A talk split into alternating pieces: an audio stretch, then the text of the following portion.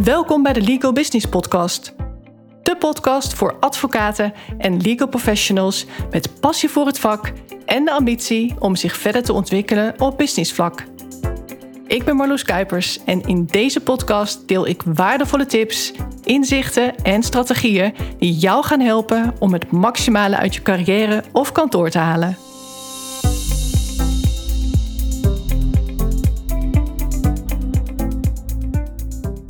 Deze aflevering gaat over leiderschap.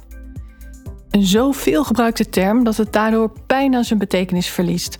Het wordt te groot gemaakt als in ingewikkeld, met allerlei labels of misschien wel te klein, alsof je er niet actief mee bezig hoeft te zijn.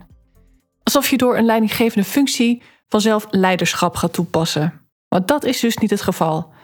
De praktijk laat zien dat leiderschap nog heel vaak wankelt, ook bij de als leiders gekwalificeerde leidinggevenden. Ik zie het ook in de praktijk. Bij senior advocaten en partners die merken dat er toch nog iets ontbreekt. Hoe goed ze juridisch inhoudelijk ook zijn en hoe perfect ze hun target ook halen.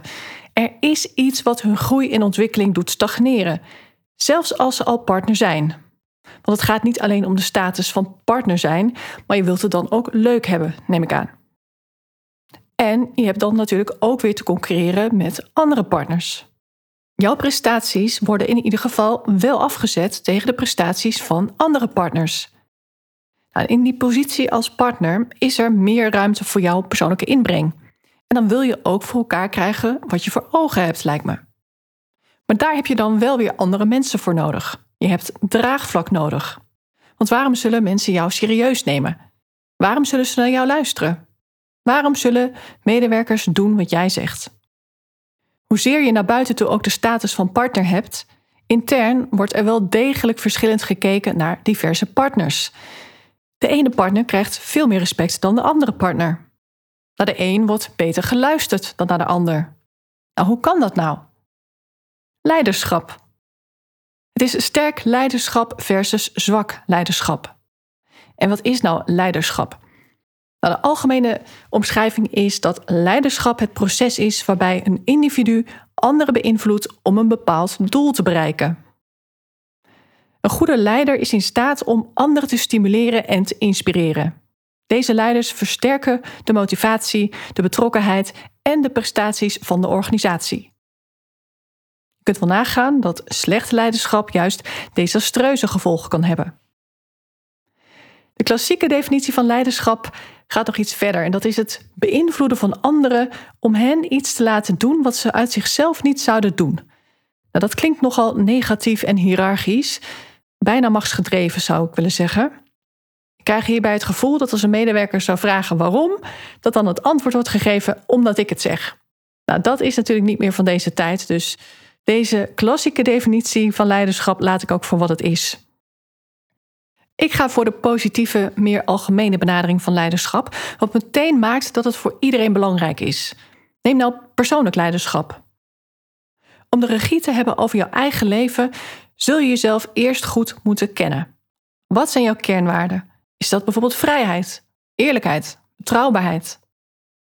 En wat zijn jouw talenten? Wat vind je leuk en waar ben je ook nog eens goed in? Wat zou je daarmee willen en kunnen doen? Maak concrete doelen.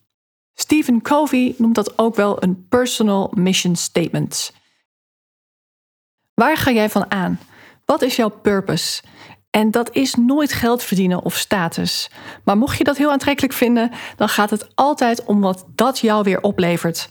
De why achter de why. Je wilt bijvoorbeeld veel geld verdienen, zodat je minder geldzorgen hebt. Maar wat levert jou dat dan op? Dat levert jou waarschijnlijk op dat je eindelijk al die dingen kunt doen die je al jaren wilt doen. Of die je juist voor de toekomst in petto hebt. Bijvoorbeeld dat droomhuis kopen of die wereldreis maken. Minder werken omdat je toch genoeg hebt verdiend.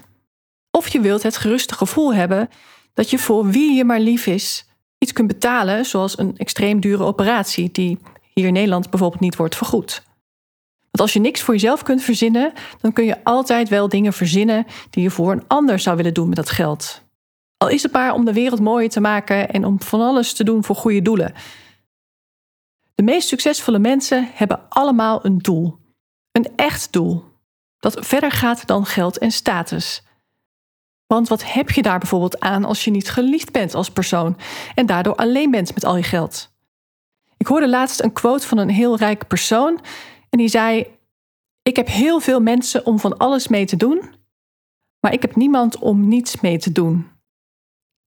En dat raakte mij, die opmerking. Ik vond dat zo treffend en ook echt de rauwe waarheid.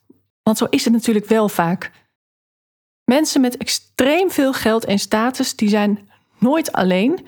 Er zwermen altijd massa's mensen omheen, maar ze zijn vaak wel eenzaam. En nee, dat geldt natuurlijk niet voor iedereen. Maar mijn punt is dat geld nooit de drijfveer zou moeten zijn en dat het in de praktijk ook niet het middel is tot ultiem geluk. Nou, nu weer even terug naar die stappen.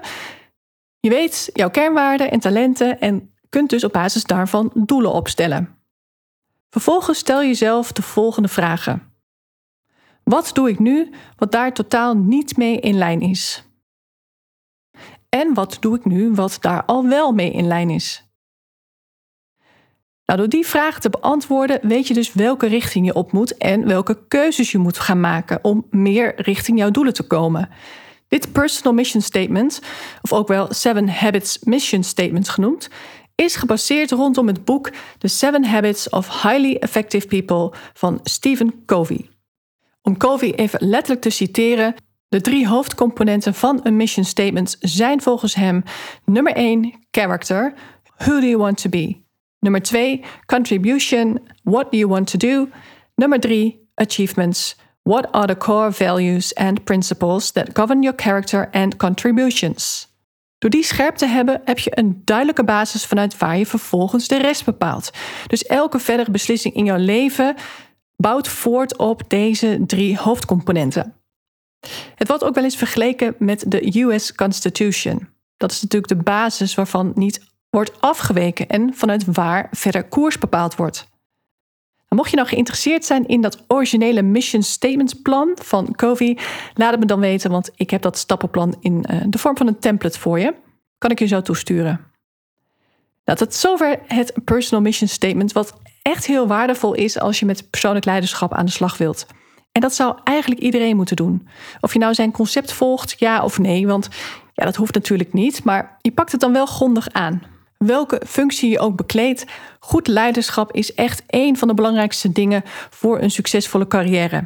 En ik ga nog even een stapje verder voor een succesvol leven. Want als je niet weet wie je bent, niet weet waar je goed in bent, niet weet wat je leuk vindt en überhaupt niet weet wat jouw ambitie is op echt alle niveaus van jouw leven. Dus dan heb ik het echt niet alleen maar over jouw carrière.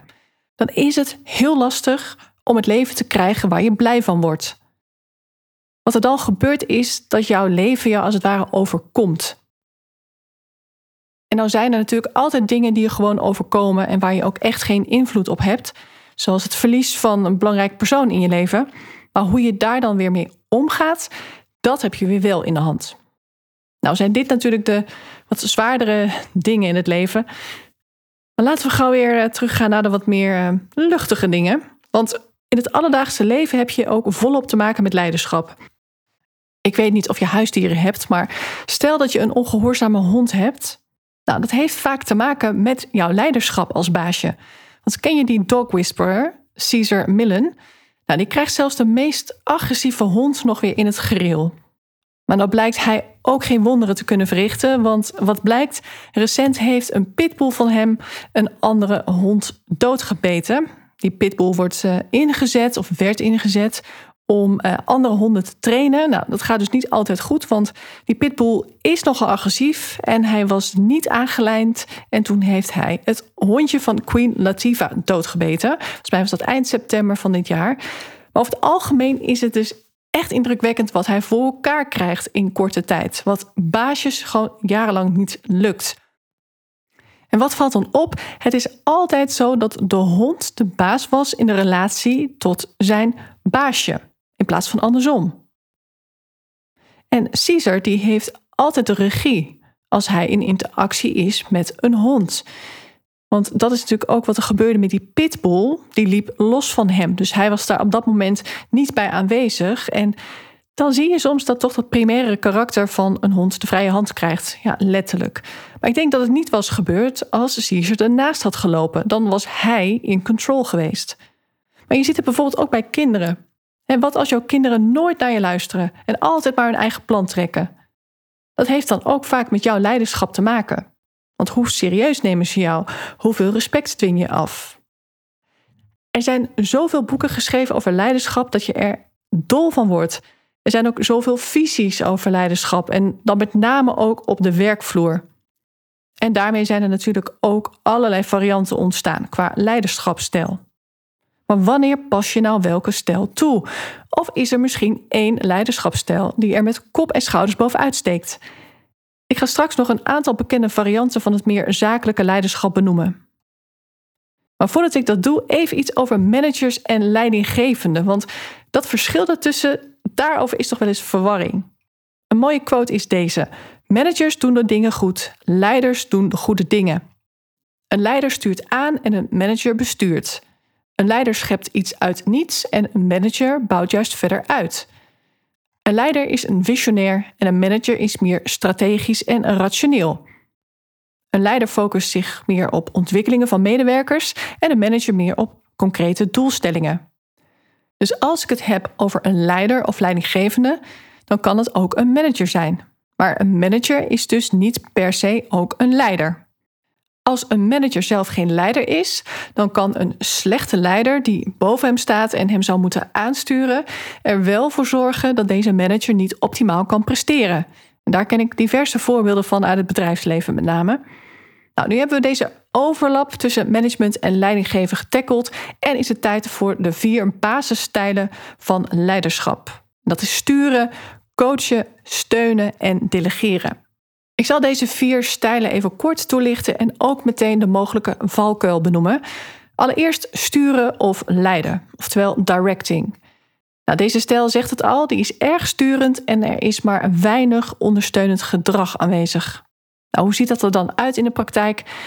Deze leidinggevende die werkt zeer sturend, die geeft ook heel veel instructies en voert een scherpe controle uit over het resultaat van de medewerker. De valkuil is dat deze leider autoritair overkomt. Stijl nummer 2. Begeleiden, oftewel coaching. Deze stijl is zowel sturend als ook ondersteunend qua gedrag. Kenmerkend is dat deze leider ondersteunt, complimenteert, stimuleert, goed luistert en ook verantwoordelijkheden deelt. De valkuil van deze leider is dat hij kan overkomen als een therapeut.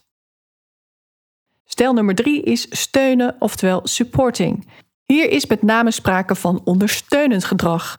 De leidinggevende die stelt zich op als een klankbord en biedt ondersteuning als de medewerker dat zelf nodig vindt. De bal ligt dus meer bij de medewerker. Samen bepalen ze vervolgens de werkwijze. De mogelijke valkuil is dat het support van de leider kan worden gezien als betutteling. Dan de laatste stijl, delegeren, oftewel delegating. En hier is sprake van weinig ondersteunend gedrag en ook weinig sturend gedrag. Deze stijl wordt vaak gezien als de ideale situatie. De leider die schept alleen de voorwaarden waaraan de medewerker bij het uitvoeren van een taak moet voldoen. Hoe hij die taak uitvoert en welke beslissingen hij hierbij neemt, laat de leidinggevende volledig over aan de medewerker. De valkuil hierbij is dat een medewerker mogelijk niet weet hoe hij met die vrijheid om moet gaan. Hoe bepaal je nou welke leiderschapstijl je inzet? Je zult allereerst moeten kijken naar wie je voor je hebt. Op welk niveau staat iemand en wat heeft diegene nodig om vooruit te komen? Wat daarbij een rol speelt is allereerst hoe competent is iemand. En verder is de mate van motivatie heel belangrijk. En natuurlijk de mate van zelfvertrouwen die iemand heeft. Laat ik het even verduidelijken met een voorbeeld. Het is al een enorm verschil of je een student begeleidt of een advocaatstagiaire. Laat staan hoe anders je een senior medewerker moet aansturen of begeleiden. Maar nu zit ik onbedoeld dus al leiderschapstijlen te benoemen. Heb je het door? Want ik zeg aansturen of begeleiden. Het is eigenlijk heel lastig om hier überhaupt iets eh, neutraals over te zeggen. Laten we zeggen dat de vorm van leiderschap die een stagiaire nodig heeft, behoorlijk afwijkt van de vorm die een senior medewerker nodig heeft. En natuurlijk een secretaresse of een stafmedewerker, die heeft weer heel wat anders nodig. Ja, met dit voorbeeld wordt het ineens heel logisch, want aan de secretaresse hoor je te delegeren. Een goede secretaresse wordt gek van te veel bemoei en die doet het liefst zelfstandig haar werk. Als ze tenminste ervaren is en ook echt weet wat ze moet doen, dan weet ze dat waarschijnlijk beter dan jij als advocaat. En hoe meer jullie als team op elkaar zijn ingespeeld, des te moeitelozer gaat de samenwerking en des te minder hoef jij als advocaat te sturen. En andersom geldt natuurlijk hetzelfde. Want er zijn ook secretaresses die onnodig veel moeten sturen. Laten we dat niet vergeten. Medewerkers hebben dus vaak verschillende competentieniveaus en staan op een heel ander niveau qua zelfstandig functioneren. En ze zijn dus ook gebaat bij een andere vorm van leiderschap. Even een toelichting op de diverse competentieniveaus en wat daar dan bij past qua leiderschapsstijl. Nou, dit komt uit de leiderschapsstroming Situationeel Leiderschap van Ken Blanchard. Volgens Blanchard zijn er vier niveaus. Niveau 1 is die van een lage competentie met hoge betrokkenheid. De motivatie is er, maar aan kennis en kunde moet nog gewerkt worden. Dit soort medewerkers noemt hij de enthousiaste beginner. De leiderschapsstijl die erbij past is weinig ondersteuning, maar veel sturing. Bij niveau 2 is er sprake van een lage tot enige competentie met een lage betrokkenheid. De vaardigheden van de medewerker die beginnen te groeien, maar het ontbreekt hem aan motivatie. Of hij is nog te onzeker om de taak of opdracht uit te voeren. Blanchard noemt dit de ontgoochelde leerling. De leiderschapsstijl die erbij past is veel ondersteuning en veel sturing, oftewel begeleiding. Dan niveau 3. Er is dan sprake van gemiddeld tot hoge competentie met wisselende betrokkenheid. Met de kennis en kunde van de medewerker is op dit niveau niets meer mis, maar hij voert zijn taken niet altijd met dezelfde zekerheid en motivatie uit. Dit type medewerker noemt Blanchard de capabele maar voorzichtige presteerder. De leiderschapsstijl die hierbij past is veel ondersteuning en weinig sturing. Het gaat hier dan om coachen. Dan niveau 4. Hier is sprake van hoge competentie en hoge betrokkenheid. De medewerker is nu zelfstandig in staat om met alle vereiste kennis en kunde en met veel betrokkenheid de opdrachten uit te voeren.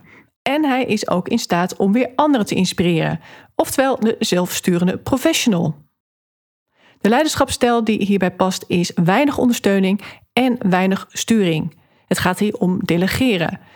Nou, belangrijk om je te realiseren is dat iemand op het ene vlak of taakgebied heel anders kan scoren dan op een ander vlak.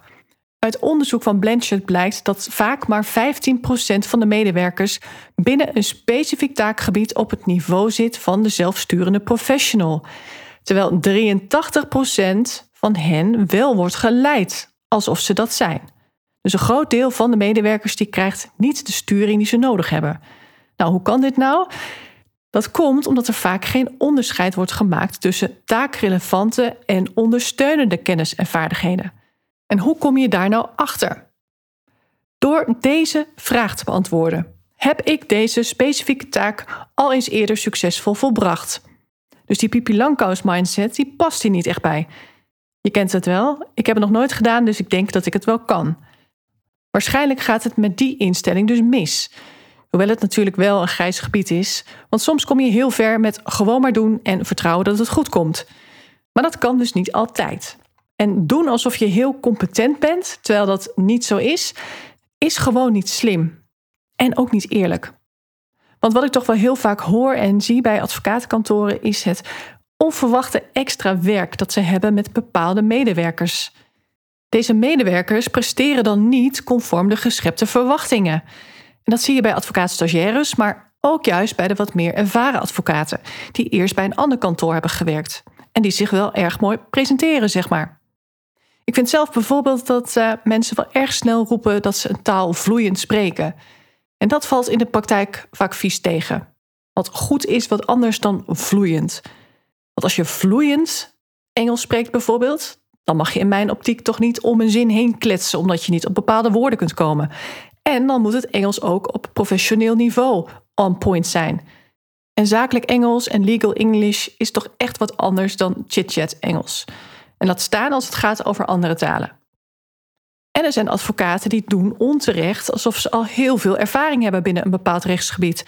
Of bijvoorbeeld heel veel proceservaring hebben. Ze houden het kantoor voor dat ze hè, bij het andere kantoor hele goede omzetten behaalden. Dat ze leidinggevende ervaring hebben. Dat ze moeiteloos een succesvolle praktijk hebben opgebouwd. En dat er zelfs heel wat te verwachten valt qua mee te nemen zaken. Dat is allemaal niet zo handig als dat niet zo is. En ik vind het ook echt niet kunnen. Dus als werkgever vraag door. Vraag ook om bewijs van bepaalde dingen. In de juridische dienstverlening kan iemand qua juridische expertise heel competent zijn, maar toch volledig incompetent zijn op bijvoorbeeld het gebied van acquisitie, effectieve communicatie of onderhandelen, pleiten, maar ook leiderschap. En deze competentieniveaus, die ik eerder besprak, die bepalen dus de basis van de leiderschapsstijl die bij deze persoon past. Nou zijn daar heel veel benamingen voor. Er zijn ook legio boeken of trainingen voor gecreëerd. Ik zal even een aantal populaire termen benoemen. Je hebt authentiek leiderschap, coachend leiderschap, gedeeld leiderschap, effectief leiderschap, taakstellend leiderschap, visionair leiderschap, noem maar op. Ik ga een aantal bekendere stijlen bespreken. Soms vluchtig en soms ga ik er even iets uitgebreider op in, omdat het wat relevanter is voor bijvoorbeeld de advocatuur of de juridische dienstverlening in het algemeen. Allereerst is er democratisch leiderschap. Democratische leiders, dat zijn leiders die anderen bij hun beslissingen betrekken. Ze vinden het belangrijk om te luisteren, ze vinden het belangrijk om samen te werken en om echt te investeren in mensen. Democratisch leiderschap richt zich op het realiseren van consensus. Zo'n type leider die vindt het belangrijk om ieder stem te horen voordat er een belangrijke beslissing wordt genomen, in plaats van dat hij zijn mening er even snel doorheen wil drukken. Democratisch leiderschap is toepasbaar in situaties waarbij van alle teamleden iets wordt gevraagd, waarbij dus ook ieders input echt relevant is. Pal tegenover democratisch leiderschap staat autocratisch leiderschap. Nou, de autocratische leider dat is iemand die heel graag zelf beslissingen maakt en ook zelf bepaalt wat er precies gebeurt. Dit is een wat meer ouderwetse top-down managementstijl. De leidinggevende neemt volledige controle en verantwoordelijkheid voor een situatie. Er is maar weinig ruimte voor de creativiteit van de medewerker en die gaan zo ook niet hun maximale potentieel benutten. Hun groei wordt simpelweg niet bevorderd. En wat hier ook bij past, is een strak controlesysteem. Dus je zou dan eigenlijk een heel compliance systeem moeten optuigen en beheren om te controleren of iedereen ook echt doet wat hij moet doen. Het is dus echt heel bureaucratisch. Maar soms is deze leiderschapsstijl wel nodig. Al is het maar kortdurend.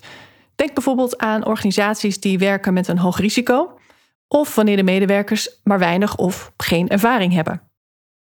Naarmate het team vaardiger wordt en je er meer op kunt vertrouwen dat dingen ook gewoon goed gaan, kun je vanzelf opschuiven naar een meer flexibele leiderschapsstijl. Ik noemde het woord bureaucratisch al even, maar dat is dus ook meteen een vorm van leiderschap. Nou, deze stijl die is gebaseerd op het volgen van normatieve regels in management en besluitvorming.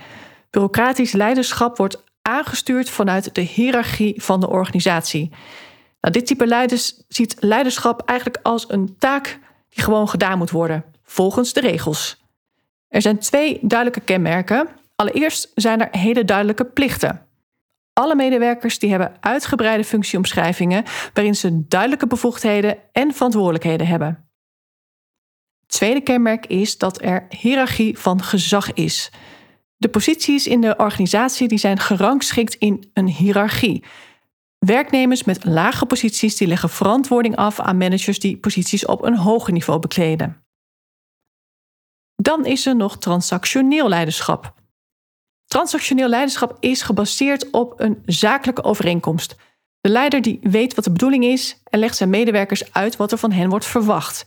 En vervolgens betaalt hij hen dan voor hun diensten.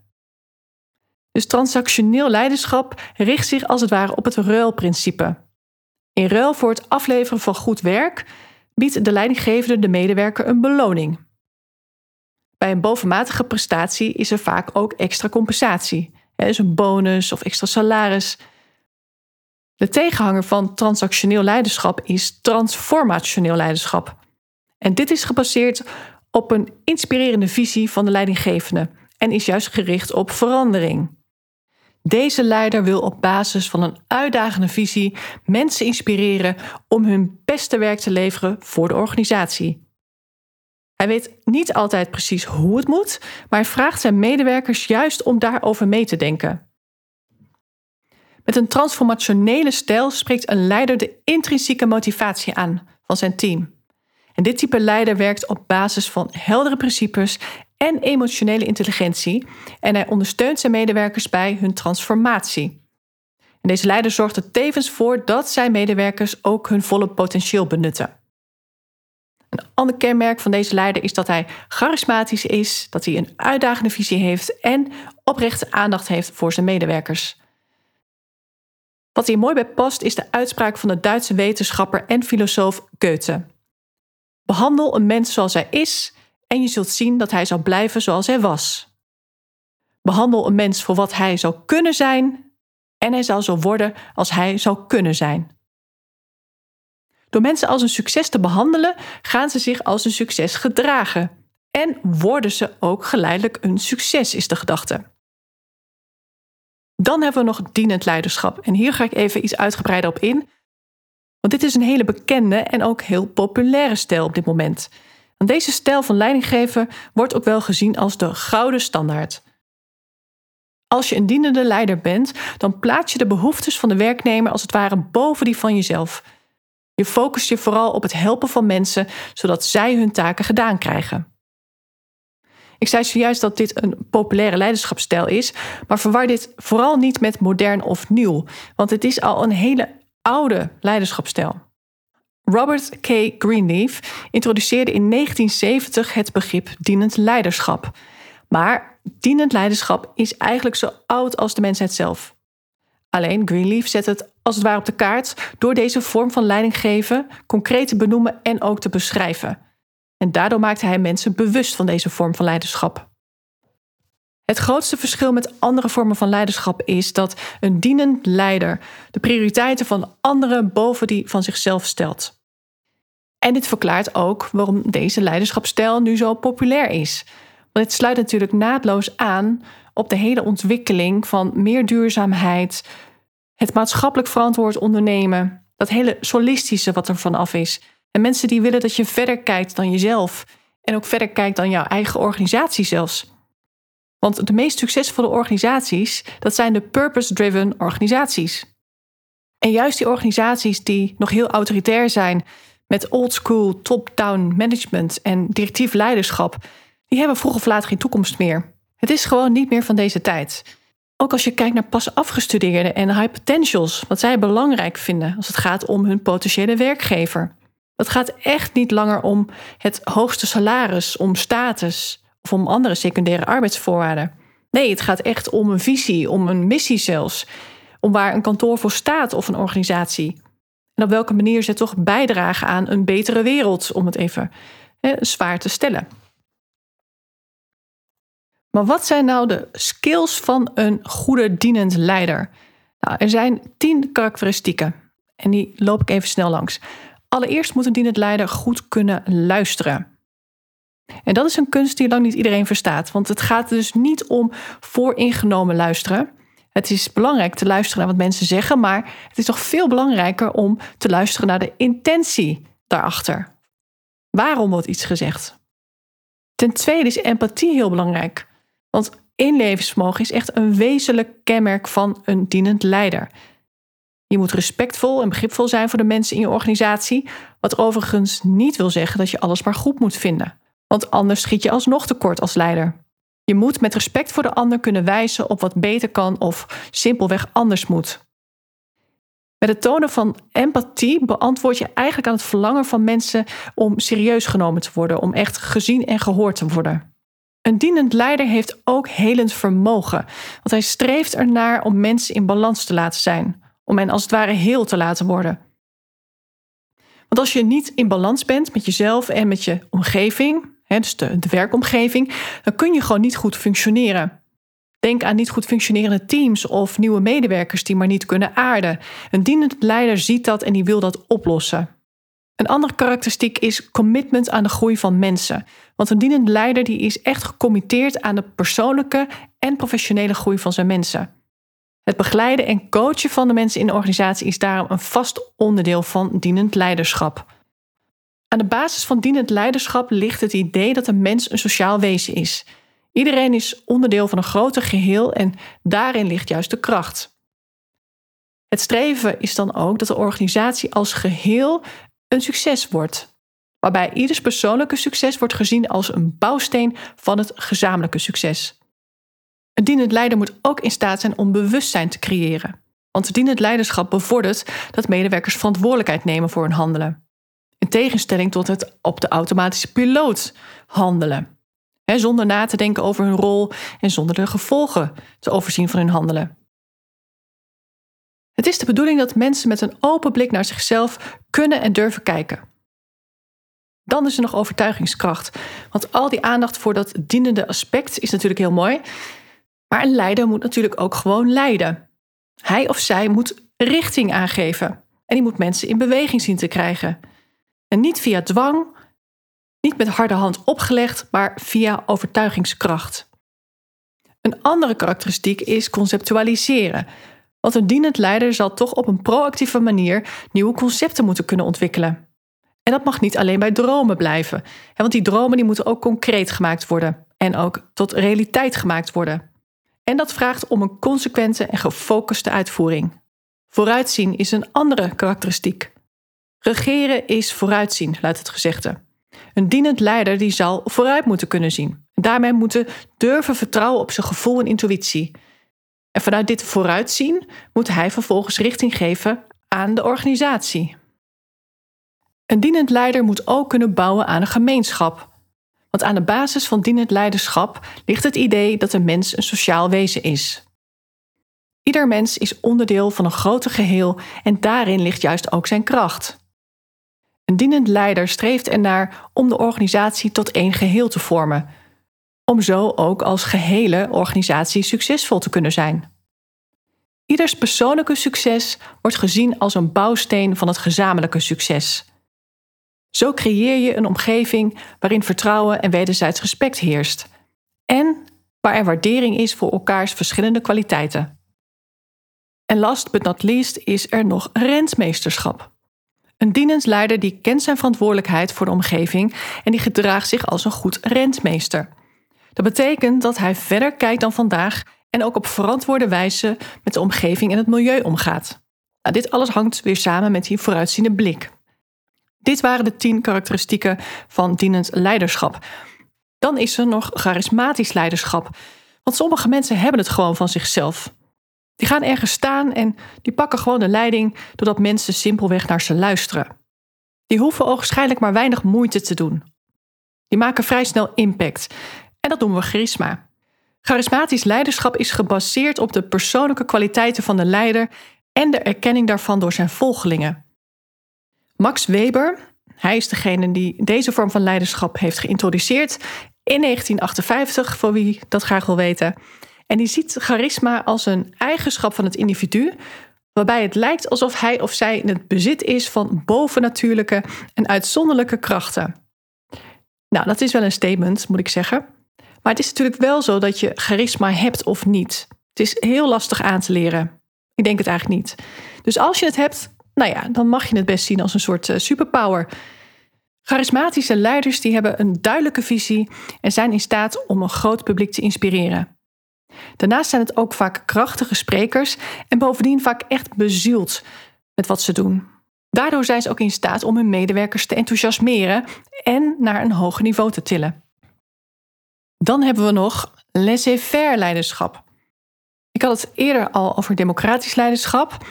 Nou, laissez-faire leiderschap wordt gezien als het uiterste in die categorie. In het Nederlands noemen we het ook wel laat maar waaien management. Dat klinkt natuurlijk niet heel positief en het lijkt alsof er überhaupt geen leiding wordt gegeven. Hoe werkt laissez-faire leiderschap? Nou, de laissez-faire leider die heeft over het algemeen een groot vertrouwen in zijn medewerkers en die kijkt als het ware toe hoe het werk wordt uitgevoerd en wat het resultaat is. Maar hij grijpt niet in. De zelfstandigheid van de medewerkers wordt op de proef gesteld. Doordat er nauwelijks sprake is van leiding geven of ondersteuning van medewerkers, nemen zij zelf het heft in handen. De kans neemt toe dat er informeel leiderschap ontstaat, of zelfs onzichtbaar leiderschap. Want zo kun je het wel stellen. Laissez-faire leiderschap is een verregaande passieve leiderschapsstijl, waarbij de leidinggevende wel de faciliteiten biedt, maar vervolgens geen toezicht houdt op de uitvoering. Deze leider die vertrouwt er volledig op dat medewerkers zelf oplossingsgericht aan de gang gaan. De medewerkers zijn daarmee volledig op zichzelf aangewezen en moeten zelf bepalen wat de juiste of de foute werkwijze is. Het grootste voordeel van deze leiderschapsstijl is dat medewerkers daadwerkelijk ownership voelen voor hun werk. Ze worden aangespoord om het maximale uit zichzelf te halen en hebben hierbij ook enorm veel vrijheid. Als de medewerkers gemotiveerd zijn, dan kan het ook heel goed uitpakken. Maar is die motivatie er niet, dan is deze stijl natuurlijk gedoemd om te mislukken. Je kunt deze stijl eigenlijk zien als het ultieme beroep op het ondernemerschap van de werknemer. Maar daarmee is dus lang niet elke medewerker en zelfs niet elke leidinggevende geschikt voor deze stijl. Als je het mij vraagt, is dit een uitdagende leiderschapsstijl. Maar toch ken ik echt voorbeelden van bedrijven waarbij dit goed werkt. En je hoort me inderdaad bedrijven zeggen, want heel eerlijk, advocatenkantoren of zelfs juridisch advieskantoren die dit succesvol toepassen, die ken ik niet. Maar nu vraag je natuurlijk af, in welk soort bedrijf werkt dit dan wel? Nou, dan moet ik denken aan een bevriende ondernemer van mij die deze leiderschapsstijl succesvol toepast. Maar dan moet ik er wel bij zeggen dat hij ook een heel ander soort bedrijf heeft. Hij zit in de technische sector. Daar werken heel veel mensen met compleet verschillende expertises en waarbij ook echt minder overlegd hoeft te worden. Want het is heel duidelijk wie wat moet doen. En nou is hij er als ondernemer ook nog eens heel geschikt voor. Want het is niet dat hij de dingen niet ziet. Het is niet dat hij onverschillig is of niet zal ingrijpen als het echt uit de hand dreigt te lopen. Maar hij is wars van managen, laat staan micromanagen. En als het makkelijk kan, waarom moet je het dan moeilijk maken? Dat is een beetje zijn ondernemersstijl. Hij laat zijn werknemers die dingen doen die zij ook heel leuk vinden om te doen en waar ze bovendien goed in zijn. Hij is wel heel scherp op het aannemen van de juiste mensen, want daar begint het mee. Het moeten echt mensen zijn die die vrijheid ook aankunnen. Ze moeten een passie hebben voor wat ze doen en niet alleen maar werken voor de centen. Want dat soort mensen die zullen altijd proberen om de kantjes ervan af te lopen. En als je daar een paar van hebt rondlopen, dan raakt de rest als het ware besmet. Het wekt in ieder geval irritatie op. Want we weten allemaal, dat is in de advocatuur ook zo, dat als hard werken of harder werken niet anders wordt beloond dan hè, middelmatig werken, een beetje een halfbakken werkhouding, voor zover dat überhaupt kan in de advocatuur, of zeg maar matige inzet, dan krijg je gewoon gedoe. En dat is logisch. Volgens mij laat hij zelfs mensen vrij als het gaat om het aantal vakantiedagen. Ik weet het niet meer zeker, maar ik dacht dat hij het uitgangspunt hanteert dat zolang maar gedaan is wat er gedaan moet worden, dat er gewoon heel veel vrijheid is. En dat het ook gewoon goed gaat. Nou, zou je deze stijl nou ook kunnen toepassen in bijvoorbeeld de advocatuur? Nou, alles kan, maar ik denk niet dat het ideaal is. En waarom niet? Nou, allereerst even helemaal los van de motivatie van mensen, want vaak schort het daar niet aan.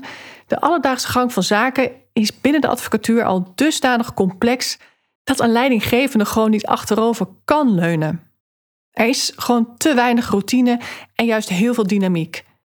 Er zijn veel dagelijkse of wekelijkse ontwikkelingen en er moeten voortdurend beslissingen genomen worden. En wat nou als iedereen maar wat gaat doen vanuit een geheel andere positie? Ja, dan loopt alles compleet in het honderd natuurlijk. Er moet gewoon iemand zijn, en vaak zijn het meerdere mensen, die vinger aan de pols houden. Zolang het gaat om beslissingen binnen ieders eigen praktijk, dan is het natuurlijk een ander verhaal. Maar ook dan moet dit natuurlijk gewoon in lijn zijn met de kantoorvisie en met het kantoorbeleid. Dus er zijn echt betere leiderschapstijlen dan deze laat maar waaien stijl. En nu komen we bij die betere leiderschapstijl, situationeel leiderschap. Dit is de laatste leiderschapstijl die ik ga bespreken en meteen mijn persoonlijke favoriet. Want jij zult ongetwijfeld bij veel dingen die ik heb gezegd, al die stijlen die ik heb benoemd, dat je af en toe dacht: hé, hey, dit past wel bij mij of hm, dit zie ik wel werken in de praktijk. Nou, als dat het geval was, dan is dit waarschijnlijk ook de stijl die bij jou past. Want de situationele leider die gebruikt allerlei verschillende stijlen en die kiest afhankelijk van het moment, het type project of de persoon de juiste stijl voor snel resultaat. Ken Blanchard is aanhanger van deze stijl en hij zegt dat ongelijke mensen gelijk behandelen ineffectief is en zelfs oneerlijk. Nou, binnen de theorie van situationeel leiderschap zijn er twee elementen die samen bepalen wat voor soort leiderschap gepast is bij welke medewerker. Nou, deze elementen zijn allereerst de kennis en ervaring van de medewerker en ten tweede de motivatie en de wil om te presteren van deze medewerker. Wat Blanchard als ideale ontwikkeling ziet, is de ontwikkeling van de medewerker. Die gaat van de enthousiaste beginner naar de zelfsturende professional.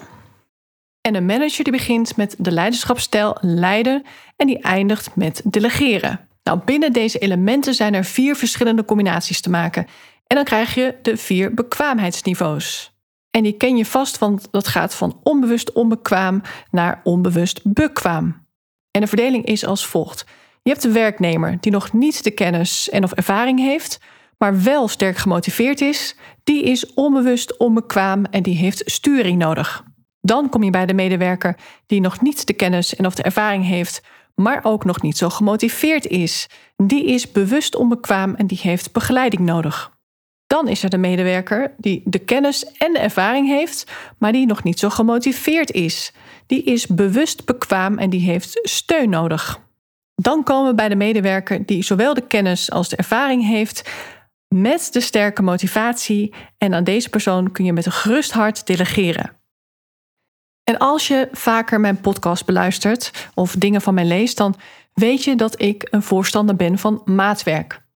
En daarom ben ik ook fan van deze situationele leiderschapsstijl. Want er is niet één perfecte leiderschapsstijl. Alleen al de invloed van iemands concrete functie en competenties maakt al een wereld van verschil. De grootste fout bij zakelijk leiderschap zit hem in het denken dat je alleen leiderschap hoeft te tonen als je daadwerkelijk een leidinggevende positie hebt. Of dat je er alleen in die positie echt aandacht aan hoeft te schenken. Maar als je advocaat of jurist bent en met cliënten werkt, dan weet je wel beter. Hetzelfde geldt voor als je met collega's werkt. Je hoeft geen partner te zijn of praktijkgroepcoördinator of bestuurder om enorm gebaat te zijn met goed leiderschap. Denk maar eens aan die situaties waarin je niet de leiding nam en de regie overliet aan een ander. Wat gebeurde er toen? Je zei ja terwijl je nee bedoelde. Je was eigenlijk te druk, maar hoorde jezelf toch zeggen: Ja hoor, dat doe ik wel even. En leiderschap uit zich op heel veel manieren. Hoe je communiceert, zowel verbaal als non-verbaal. Het speelt een rol in hoeverre je in staat bent om grenzen aan te geven. En deze twee, dus grenzen aangeven en communiceren, zowel verbaal als non-verbaal, die spelen allebei een hele belangrijke rol in relatie tot cliënten. En daar zal ik later nog een persoonlijk voorbeeld van geven, want ook mijn leiderschap werd ooit eens goed op de proef gesteld. Delegeren heeft ook te maken met leiderschap, want bij gebrekkig leiderschap zie je dat dit niet of nauwelijks gebeurt. Of kantoorgenoten die pakken dingen van jou als laatste op, want dat zie je ook in de praktijk. Er zijn altijd advocaten van wie de taken of opdrachten het eerst gedaan worden, zowel door junior advocaten als door het secretariaat. Zonder leiderschap kun je anderen ook niet inspireren of motiveren. En dat zie je ook bij bepaalde advocaatpartners die moeite hebben om hun plek te claimen, als het ware. Ze krijgen onvoldoende draagvlak voor hun plannen. En hoe ga je nou een vergadering of meeting in? Ook dat wordt bepaald door leiderschap. Naar wie wordt er echt goed geluisterd? Het zijn vaak toch dezelfde. Hoe goed kun je eigenlijk onderhandelen voor jezelf of voor je cliënten? Want ook daar speelt leiderschap een rol. Hoe presenteer je jezelf? Hoe communiceer je? Wat is je lichaamstaal? En leiderschap heeft ook invloed op jouw productiviteit. Dat verbaast je misschien, maar wie geen nee kan zeggen, die heeft het dus altijd druk. En als je geen strakke agenda hebt voor jezelf, dan maak je als vanzelf onderdeel uit van andermans agenda. En last but not least, het heeft invloed op de kwaliteit van je werk. Want als je dingen moet gaan afraffelen vanwege strakke deadlines, omdat je te veel hooi op je vork hebt genomen, of doordat je anderen jouw dag hebt laten bepalen, dan leef je geen topkwaliteit af. Dat kan bijna niet samengaan, namelijk. Waarom zou je beter willen worden in leiderschap? Waarom zou je nou willen groeien als leider? Nou, omdat leiderschap aantrekkelijk maakt. Het vergroot de geloofwaardigheid en het beïnvloedt jouw expertpositie. Want neem nou de situatie van een advocaat-stagiaire of zelfs advocaat-medewerker, dat hoor ik ook wel eens, waarbij de cliënt steeds vraagt naar die partner. In plaats van dat hij gewoon met jou om tafel gaat zitten of zelfs maar met jou telefonisch in gesprek gaat. Die cliënt die neemt jou dan blijkbaar niet serieus. Terwijl andere advocaten die in diezelfde positie zitten wel serieus worden genomen. Ja, hoe kan dat nou? Dat is dus leiderschap, dat is presence. En welke energie neem je mee de ruimte in? En los van alles wat ik heb aangehaald over leiderschapsstijlen, die je allemaal in boeken kan vinden, en allerlei dingen waar ik nog meer op detailniveau over heb gesproken. Voor echte leidinggevenden gelden ook een paar hele algemene dingen. Of juist een paar hele algemene dingen. En die algemene dingen die staan mijlen ver boven welke leiderschapsstijl dan ook. En ik durf te zeggen dat als je alleen dit doet, dat je al een heel eind komt. En wat je daarvoor nodig hebt, heb je al. En dat zijn jouw ogen en jouw oren. En met jouw ogen moet je niet alleen kijken, maar echt zien. En met jouw oren moet je niet alleen horen, maar echt luisteren. En ja, daar zit verschil in. Als leider moet je oprecht geïnteresseerd zijn. Ben je dat niet, dan kun je geen goede leider zijn. En dan is er nog iets. Als leider mag je ook niet te druk zijn. Want dan zie je niet meer wat er gebeurt. En dan luister je ook niet meer echt. Laat staan dat je er dan wat mee moet. En wat je dan wel meekrijgt, frustreert je alleen maar. Omdat je het zo graag goed wil doen. Want dat zie ik ook geregeld in de praktijk. Leiders die echt zien wat er beter kan, die ook echt enorm betrokken zijn bij wat er op de werkvloer gebeurt, maar die er simpelweg niet de tijd voor hebben om er actie op te ondernemen. Want soms is het beste wat je kunt doen als leider en eigenlijk als iedereen met verantwoordelijkheid even uitzoomen, gewoon observeren en niet meteen in die actiemodus schieten om het even snel op te lossen. Maar die tijd die er moet zijn, die is er vaak niet. En daarom wil ik toch ook nog even benadrukken dat een leider qua takenpakket echt dingen moet gaan inleveren. In het bedrijfsleven gebeurt dat veel vaker dan in bijvoorbeeld de advocatuur. Ik zie nog zo vaak dat advocaatondernemers of partners nog te volle praktijken draaien. Als je kijkt naar wat er ook aandacht behoeft, wat er ook op hun bordje ligt. En al die aandacht wordt dan verdeeld, dat komt het leiderschap niet ten goede. En daarmee ook de kantoororganisatie niet. En daarmee dus eigenlijk alles niet. Denk maar aan de omzet, het werkplezier, aan innovatie, aan groei, maar ook de cliënten niet. En dan nog even ter afsluiting, want het is een lange aflevering geworden. Nog even dat voorbeeld wat ik je beloofde uit mijn eigen praktijk als advocaat. Want we hebben allemaal wel eens te maken met lastige cliënten, ook ik. Maar dat hoeft niet te betekenen dat je daar ook een moeizame werkrelatie mee hoeft te hebben. Integendeel. Want het zijn vaak dezelfde kantoorgenoten of die collega-advocaten die altijd maar klagen over lastige cliënten, over moeizame samenwerkingen. Ik had bijvoorbeeld ook zo'n kantoorgenoot die altijd werd gebeld door haar cliënten. Dat ging de hele dag door, terwijl de rest van het team dat niet had. En we hadden toch allemaal gelijkwaardige praktijk. Dus deze advocaat deed toch iets anders dan wij. Ze deed toch iets waardoor zij het veel moeilijker had op dat vlak. En ik ga niet zeggen dat je met iedereen altijd een goede werkrelatie kunt opbouwen. Uitzonderingen bestaan natuurlijk.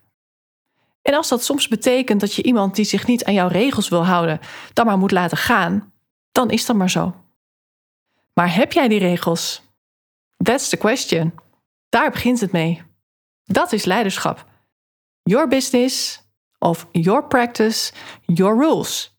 Jij bent de professional. Jij bent de dienstverlener. Dus jij bepaalt de regels. Nou, nu dan echt naar dat voorbeeld. Er was eens een cliënt die mijn leiderschap echt op de proef stelde. Ik zat in een situatie die heel anders had kunnen verlopen als ik anders had gehandeld. Want wat gebeurde er? Nou, een vrij autoritaire man die kwam langs met de letselschadezaak van zijn vrouw. Hij was succesvol, maar inmiddels gepensioneerd en hij zat nog in diverse besturen. Het was ook echt een bestuurder die gewend is om de leiding te nemen en te krijgen. Dat was duidelijk te merken. Hij had lange tijd geprobeerd om de zaak zelf te regelen met de verzekeraar. No surprise, dat past natuurlijk helemaal bij zijn persoonlijkheid. Maar nu lag er dus een regelingsvoorstel. En tja, nu wist hij niet wat hij ermee moest. Was het een goed voorstel, ja of nee? Hij vond het niet hoog genoeg, al ging het natuurlijk niet om het geld. Nou, als ze dat zeggen, dan eh, gaan er altijd al alarmbellen af, want dan gaat het vaak wel om het geld. Nou, op een dag kwam hij gewoon binnenlopen bij kantoor en ik ging met hem in gesprek.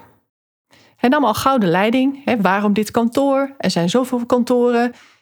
Hij drukte mij als het ware in een pitchrol en hij testte zelfs mijn kennis over schadeposten die mogelijk te claimen waren.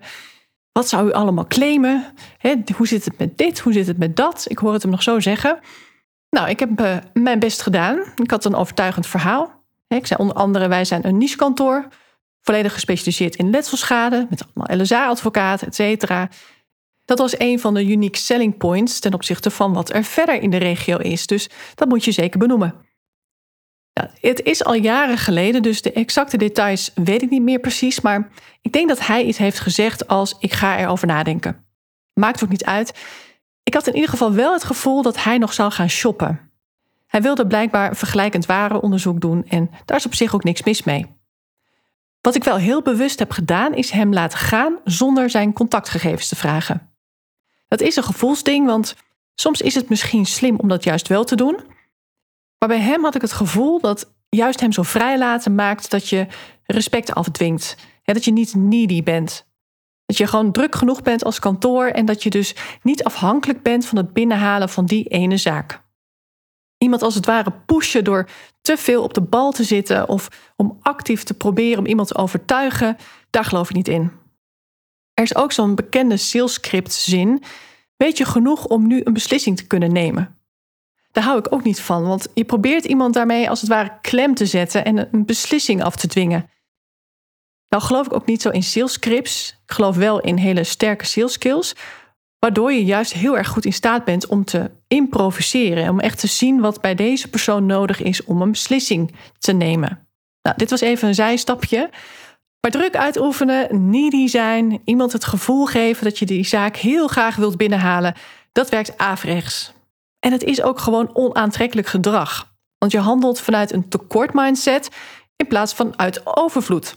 Er zijn zoveel cliënten, zoveel zaken. Niets staat of valt met deze ene cliënt of met deze ene zaak.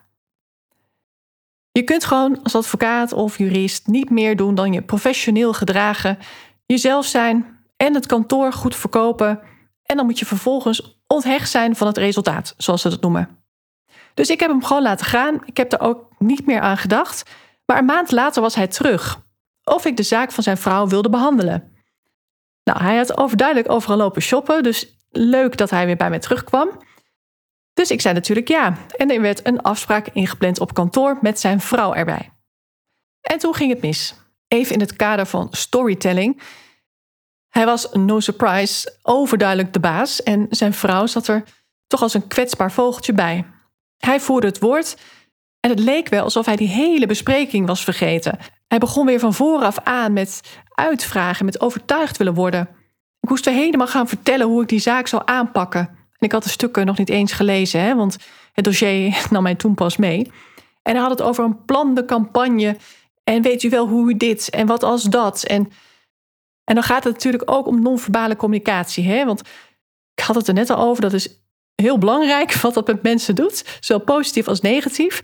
En hij had echt zo'n super alerte houding. Hij zat dan zo draaiend op zijn stoel. Dan keek hij naar zijn vrouw, dan keek hij naar mij. Ik kreeg een beetje zo'n bokito op de rots gevoel, die mij een beetje passief-agressief aankeek. En die aanwezigheid, die was gewoon niet prettig. Nou, en dan zit hij natuurlijk op nog geen halve meter afstand. Dus ik voelde mijn irritatie toenemen. Ik voelde mijn bloeddruk stijgen en dat heb ik niet zo snel. En heel eerlijk, op dat moment had ik eigenlijk het liefst dat hij zou vertrekken. En dat heb ik echt nog nooit eerder gehad in mijn hele carrière, ook daarna niet. Dus dat wil wel wat zeggen. Maar op een gegeven moment heb ik de koel bij de horens gevat. En ik heb heel direct gezegd hoe ik erover dacht. Ik keek hem recht aan met een vriendelijke blik. Dat is heel belangrijk. Maar wel met echt een duidelijke stem zei ik van... Goh, we hebben de zaak met uw vrouw toch uitvoerig met elkaar besproken. Ik heb u uitgelegd wat wij doen als kantoor, hoe ik werk en hoe het zit met de schadeposten en de vervolgstappen. U komt na een maand weer terug bij mij. Waarschijnlijk bent u ook bij andere kantoren geweest. Stilte, toen was hij aan het knikken. Nou, ik neem de zaak graag in behandeling, maar bent u wel bereid om de zaak uit handen te geven? bent u wel bereid om de regie uit handen te geven? Dat zei ik letterlijk. Want dat is wel mijn voorwaarde. U moet in mij het vertrouwen hebben dat ik de zaak tot een goed einde breng dat ik streef naar de best mogelijke schaderegeling. Ik beslis niets, dat doen u en uw vrouw, maar u moet het proces wel aan mij overlaten. En kunt u dat? Want anders kunt u het net zo goed zelf blijven doen, toch? En dat heb ik natuurlijk niet cynisch gezegd, hè? want dan, dat is natuurlijk net een rode lap op een stier, maar gewoon echt vriendelijk. En ik was ook niet boos. Het was echt gewoon, ik was de situatie zat, dat ik dacht, hier moet ik wat aan doen. Dus ik keek me gewoon vriendelijk aan. En ik was wel duidelijk in wat ik zei. Anders kunt u het net zo goed zelf blijven doen, zei ik. Maar dat wilt u niet, want daarom bent u ook hier. Nou, zoiets heb ik gezegd. Dit alles, in woorden van die strekking, zei ik vriendelijk doch beslist. Dus ik keek er vriendelijk bij, maar tegelijkertijd bestond er ook geen enkele twijfel over de opties. Het was my way or the highway. En zo stond ik er ook oprecht in. Als hij was opgestaan omdat hij iemand wilde die hij onder de duim kon houden, dan had ik dat prima gevonden. Maar wat gebeurde er juist? Vanaf het moment dat ik het stokje overnam, en dat was al vrij snel, en hem eigenlijk vriendelijk terugzette in zijn hok en hem de keuze gaf, zag ik zijn gezicht ontspannen. Want dat type persoon, die heeft dat gewoon nodig. Door leiderschap te pakken, had ik hem overtuigd. Ik had zijn vertrouwen gewonnen. Door daadkracht te tonen. En ik heb gehandeld vanuit vol vertrouwen en niet vanuit angst. En dan moet je natuurlijk heel goed opletten hoe je dat doet. Want hè, als ik boos was geworden, dan had het een heel ander effect kunnen hebben. En dat is natuurlijk ook niet zo krachtig. Nou, lang verhaal kort. Het was een hele prettige bespreking. En dat zei hij ook bij vertrek, met glimmende ogen zelfs. Het leek wel een andere man. En wat ook gewoon zo is, wie weet wat hij allemaal heeft meegemaakt, hè? Waar komt dat gedrag vandaan? Daar kan een hele legitieme reden voor zijn. En hoe is dat nou verder gegaan, die samenwerking? Nou, ik heb werkelijk waar niets met hem van doen gehad. Ik heb de volledige vrije hand gekregen, zijn volle vertrouwen en ik heb die zaak ook heel goed geregeld. Dus we waren ook heel tevreden. Hij vroeg nog om mijn bankrekeningnummer om mij persoonlijk te bedanken. Maar dat mag natuurlijk niet en dat hoeft ook niet. Ik kreeg een hele mooie bos bloemen die hij persoonlijk langsbracht. Nou, en zo zie je maar weer wat leiderschap je voor moois kan brengen. En je doet niet alleen jezelf er groot plezier mee, maar ook de ander. Want dat is het mooie aan dit voorbeeld. Want je staat er misschien niet bij stil, maar deze man was nu compleet ontzorgd. Hij gaf de zaak echt voor de volle 100% uit handen aan mij. En was ik nou een zwakke leider geweest, dan had hij al die maanden stress gehad. Komt het wel goed? Moet ik niet nog eens bellen? Maar als je duidelijke afspraken maakt en die ook nakomt, dan kun je vaak met veel meer mensen lezen en schrijven dan je wellicht denkt. Nou, heb jij ook zo'n verhaal? Of wellicht zit je nu met een lastige situatie in je maag? Is het een lastige cliënt of ben je misschien wel zelf deels het probleem? En kom je daar eh, nu achter door deze aflevering? Laat het me dan weten door me een bericht te sturen. En wil je nou echt een sterke leider worden? Of een kantoor creëren met sterke leiders? Volledig in lijn met de kantoorvisie? En ben je juist niet op zoek naar een algemene leiderschapstraining of een leiderschapscoach die een bepaalde theorie aanhangt? Dan ga ik graag met jou in gesprek. Want ik kijk namelijk echt wat past bij jouw kantoor, bij iemands persoonlijkheid en bij iemands specifieke rol binnen kantoor. Ik zie steeds vaker coaches en trainers voorbij komen die zeggen dat ze een nieuwe methode hebben ontwikkeld of iets unieks brengen in bijvoorbeeld de advocatuur of welke branche dan ook. Maar heel eerlijk, alle kennis over leiderschap is er al. Er is niets unieks meer aan. Alles wat in zo'n nieuwe methode zit, is gekopieerd van wat er al is. Alleen in een nieuw jasje, om het bijzonder te maken. Voor kennis over leiderschap hoef je ook geen trainer of coach in te schakelen. Save yourself the money. Dan kun je beter heel veel boeken gaan lezen over leiderschap. En een coach of trainer die een eigen visie komt zenden, is ook niet wat je nodig hebt. Maar wat heb je dan wel nodig? En dat is simpelweg weten wat jij moet doen met jouw persoonlijkheid. En dus rekening houdend met jouw zwakke punten en met jouw sterke punten en met jouw natural skills. En dan is die passende leiderschapsstijl nog afhankelijk van wat jij wilt bereiken en met wie. Want laten we die component vooral niet vergeten. Het gaat niet alleen om wat jij nodig hebt om te groeien als leider, maar ook om wat jouw mensen op individueel niveau nodig hebben van jou. Dat is dus echt maatwerk op detailniveau. Wat ga je nou toepassen van alles wat er al is, van al die leiderschapstijlen? Wat ga je vooral niet doen? Wat ligt voor de hand als je de standaard leiderschapsregels volgt, maar moet jij het toch niet doen? Het zijn vaak juist die kleine dingen, die echte details, die het grote verschil gaan maken in iemands groei als leider en vooral ook het effect daarvan binnen de gehele kantoororganisatie. That is where the magic happens. Dat gaat zorgen voor transformatie. Ik heb zo'n gevoel dat dit niet de laatste aflevering gaat worden over leiderschap. Er is nog zoveel over te zeggen. Dankjewel voor het luisteren. Mocht je deze podcast waardevol vinden, abonneer je dan of volg mijn podcast zodat je geen aflevering hoeft te missen. En deel hem ook vooral in je netwerk. Ook zou je mij een groot plezier doen met een 5-sterren review die je kunt achterlaten op iTunes. Niet alleen wordt de podcast dan beter gevonden, maar je helpt ook weer andere advocaten en juristen in hun reis naar succes en geluk. Uiteraard vind ik het leuk om te horen wat je meeneemt uit deze aflevering. Stuur me een bericht op LinkedIn of mail naar info.marloeskuipers.nl. Heb jij bepaalde ambities en wil je weten hoe ik jou zou kunnen helpen bij het verwezenlijken daarvan? Vraag dan een gratis meesterschapscall aan via mijn website. Ga naar www.marloeskuipers.nl. Alle informatie vind je ook in de show notes bij deze aflevering. Ik kijk er naar uit om van je te horen. Tot de volgende keer.